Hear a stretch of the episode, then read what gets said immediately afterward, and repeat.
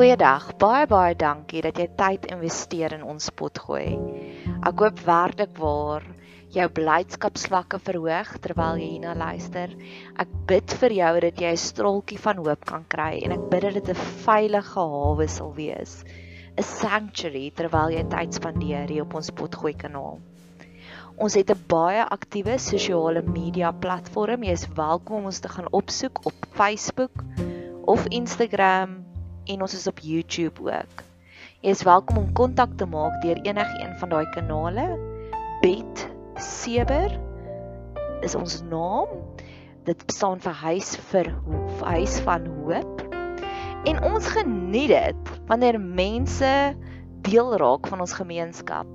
So indien jy enige op enige manier wil deel raak van ons gemeenskap, stuur asseblief vir ons 'n boodskap hê. Ons kom Vrydagoggende bymekaar en dan gee ons bietjie vir mekaar liefde, sissie liefde.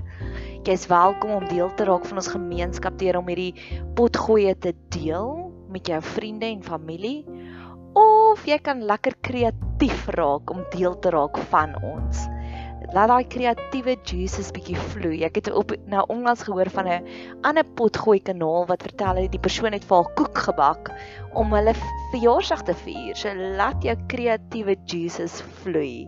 Ek hoop jy geniet hierdie kuiertjie op ons potgooi kanaal.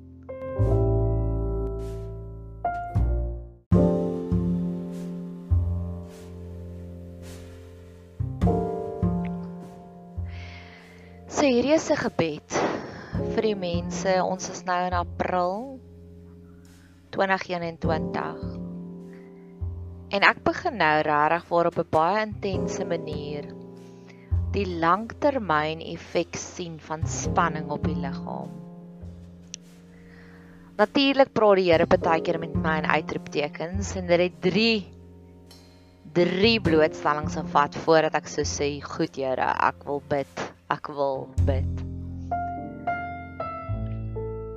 Ek het voor die lockdown het ons met die heel laaste dag wat voordat ons praktyk gesluit het, het ons buitekant gaan sit want ons is maar soos 'n familietjie by die praktyk. Ek's 'n mondhygiënis, ons het twee tandartse gehad op daai stadium, assistente en 'n praktykbestuurder en 'n tegnikus.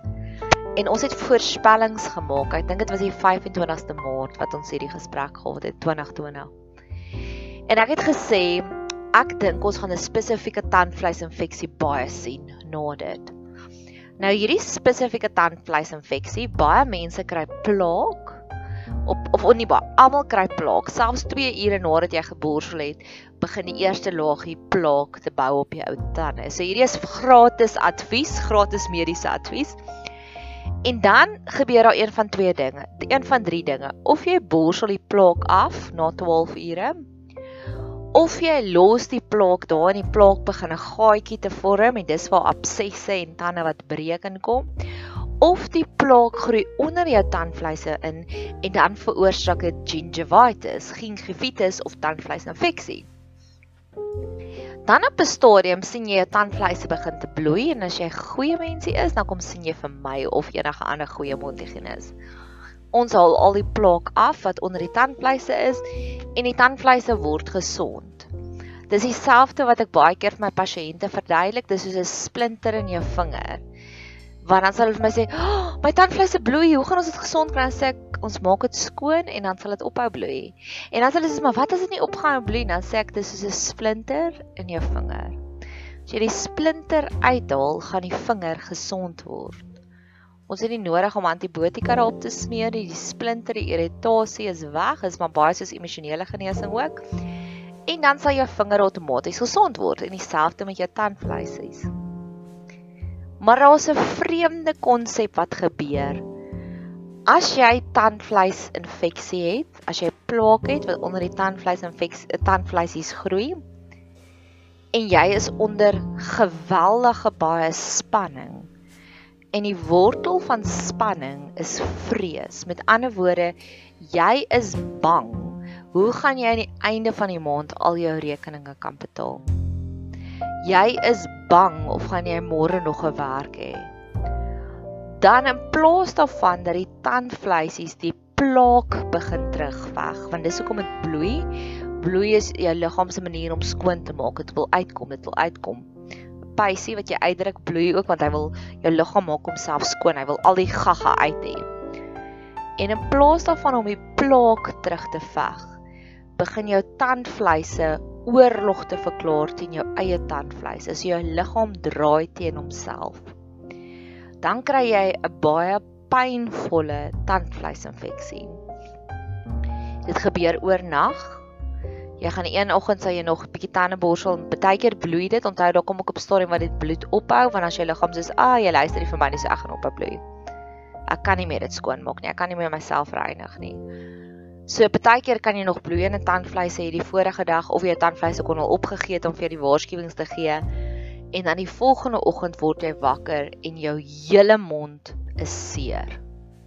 Dis 'n baie grous proses wat dan gebeur dis akute neurotiese ulseratiewe gingivitis. So akut beteken is onmiddellik, dis nou erg, dis nie iets wat lanktermyn nog gewees nie. Dis nie iets wat lanktermyn, dis nie iets wat baie waarskuwings het nie. Nekrotiese beteken dit val aan. Dit dit verwoes homself. Ulseratiewe dis letterlik soos ulcers soos 'n sweer wat vorm in jou hele mond gingivitis. Dit is baie seer. Dit het 'n aaklige metaal smaak in jou liggaam, in jou mond. Jy kan jou tande 50 keer borsel, daai smaak kom nie uit nie. En ehm um, dit gee vir jou baie stinkasem. En ek het voorspel toe die lockdown aangekondig is, ek dink die lockdown was die 23ste aangekondig, die 25 was ons laaste dag by die werk, 26ste is ons in lockdown en het ek voorspel, ek dink ons gaan baie sulke moedgevalle kry van iemand wat so erg in stres gaan en dan gaan die tandvleis hulle self um begin aanval. Dis nie iets wat ek baie algemeen sien nie. Um ja, dit is nie baie algemeen nie maar gewoonlik dan lyk ek soos 'n genie in die bottle wanneer as iemand nou aankom en hulle gee vir my al die simptome dan sê ek vir hulle watter stresvolle ding het nou onlangs in jou lewe gebeur. Nou gewoonlik slaan die oë uit, wil trane en dan dan het hulle deur iets major traumaties gegaan. So het ek nie. Ek was verkeerd. Kyk, dis een van my gunsteling sê dinge wat ek al gesê het in die pandemie ek was nog nooit in my lewe so baie verkeerd soos wat ek was met hierdie pandemie nie. Want ek sê elke keer sê, "Ag, ons gaan nie in lockdown gaan nie." En dan volgende dag dan word ons aangekondig in lockdown. "Ag, president Cyril Ramaphosa sal dit nie verleng nie" en dan verleng hy dit. So ek het baie humble pie geëet want ek was nog nooit in my lewe so verkeerd oor voorspellings soos wat ek was in daardie tydperk nie. Gister het ek my eerste aannig pasiënt gekry. Sy is in internasionale reisagentskap en korporatief. Sy's 'n enkel mamma en sy het langer as 'n jaar laas enige inkomste gekry. En dit het gelei dat haar tandvleisies het dit begin veroorsaak. En ek het besef daar dat ons liggame dink ek is gemaak waar ek gedink het ons gaan dit in haar eerste 6 weke sien. Ons kan terugveg. Maar ek dink op 'n stadium raak ons so moeg geveg dat ons gee oor. Ons veg nie meer nie. So dit was die heel eerste of nee, dit was die tweede een wat ek van gehoor het. Die eerste geval waarvan ek gehoor het en weer eens ek het dit heeltemal ignoreer was 'n gesonde byna laat 40s jarige vrou baie goed versorg. En ons het gedink ons gaan gehoor van mense wat COVID het. Maar die hoeveelheid mense wat ek van hoor wat hierdie vreemde nuwe siektes kry. Dis waarvoor ek nou bid. Ek het in die begin van COVID baie gebid vir genesing teen COVID. En ja, ons is relatief lig daardeur. Ons ek en die mense vir wie ek die liefste is. So ek weet die Here het 'n jaar terug my gebeure geander en ek wil nou hierdie sekondêre gevalle wil ek voor hom kom neerplaas. Want dit alles werk dieselfde.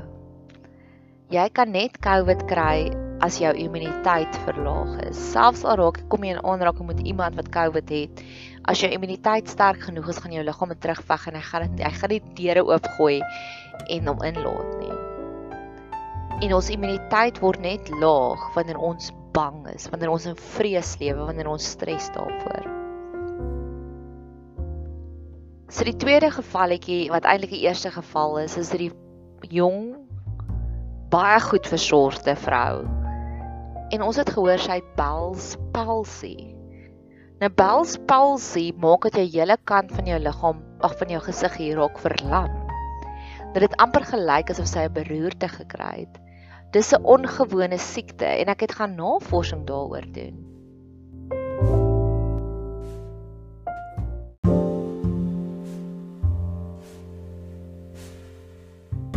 En die oorsprong van hierdie siekte is 'n virus wat jou liggaam aanval. So weer eens. Dis vrees, dis bangheid. So my teorie op hierdie stadium is ek dink ons was sterk genoeg om vir 'n lang ruk weg te hardloop van die leeu. Maar nou is ons nie meer nie. Ons is so lankal in hierdie pandemie.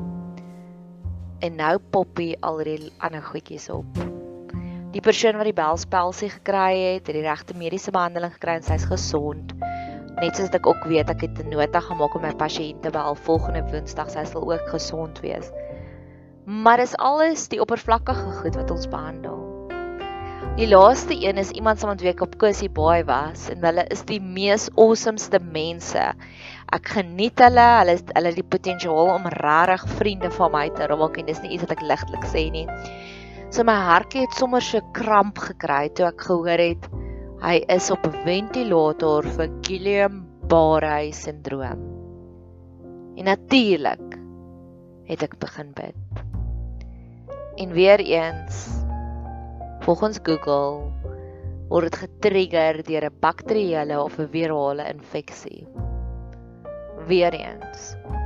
Die persoon se immuniteit sterk genoeg was, as hy nie bang was vir dit vir die toekoms inhou nie, sou hy nie hierdie infeksie gekry het en ek sê dit nie veroordelend nie ek sê dit met soveel simpatie want dit sê vir my in hoeveel vrees almal leef en ek glo dis regtig vir alles van die pandemie. Want van hoeveel ander vreemde weird siektes het jy in die afgelope ruk gehoor en ek dink ons het nie verlede jaar daarvan gehoor nie want ons was nog so in autopilot mode ons kon nie bang wegjaag maar ek dink langtermyn stres maak dit al die vreemde goed oppop. Ek glo rus is ook die ander rede hoekom mense se immuniteit baie afgetakel word. Want selfs al slaap jy, slaap jy diep nie, jy rus nie, jy jy rus nie. Ons was minder op vakansies met vakansies hierdie afgelope jare as wat ons ooit van tevore was. Ons het minder sosiaal verkeer as wat ons ooit van tevore was en selfs al verkeer ons sosiaal, is dit nie rus nie want ons is so bang ons het die virus en ons gee dit vir ons ouma of oupa. Ek weet met my hele hartjie God is tailor-made Met ander woorde, hoe God vir my geleer het om nie meer bang te wees vir die virus nie, gaan God op 'n ander manier leer vir hierdie drie mense. En sommer in die algemeen vir almal wat se liggame inkonk want jy lewe in langtermyn stres. Mag God vir jou kom wys jy hoef nie bang te wees nie. Op sy eie unieke radikale manier. En tweedens van alles mag God vir jou rus gee. Rus te midde van hierdie moeilike situasie. Ek het nie wyse woorde nie, ek het nie 'n preek nie. En daar's soveel mense wat net sê, "Man, nee, moenie bang wees nie, dis moeilik." Mag God vir jou wys hoekom hoef jy nie bang te wees nie, want ek glo dat daar's geen bang hierdie kant van die hemelgordyn wat God nie voor 'n oplossing het nie. Daar's geen eina waarvoor God nie 'n pleister het nie. Daar is geen bang waarvoor God nie 'n oplossing het nie, waarvoor God nie 'n sy weer oomblik het nie. Jesus is ons sy weer. So ja, hierdie gebed is opgedra aan die mense wat langtermyn stres in hulle lewe het. Ja, hoe meer hoe meer drama, hoe meer uitnodigings aan die troonkamer, nê? Nee. Mag jy 'n geseënde dag hê verder.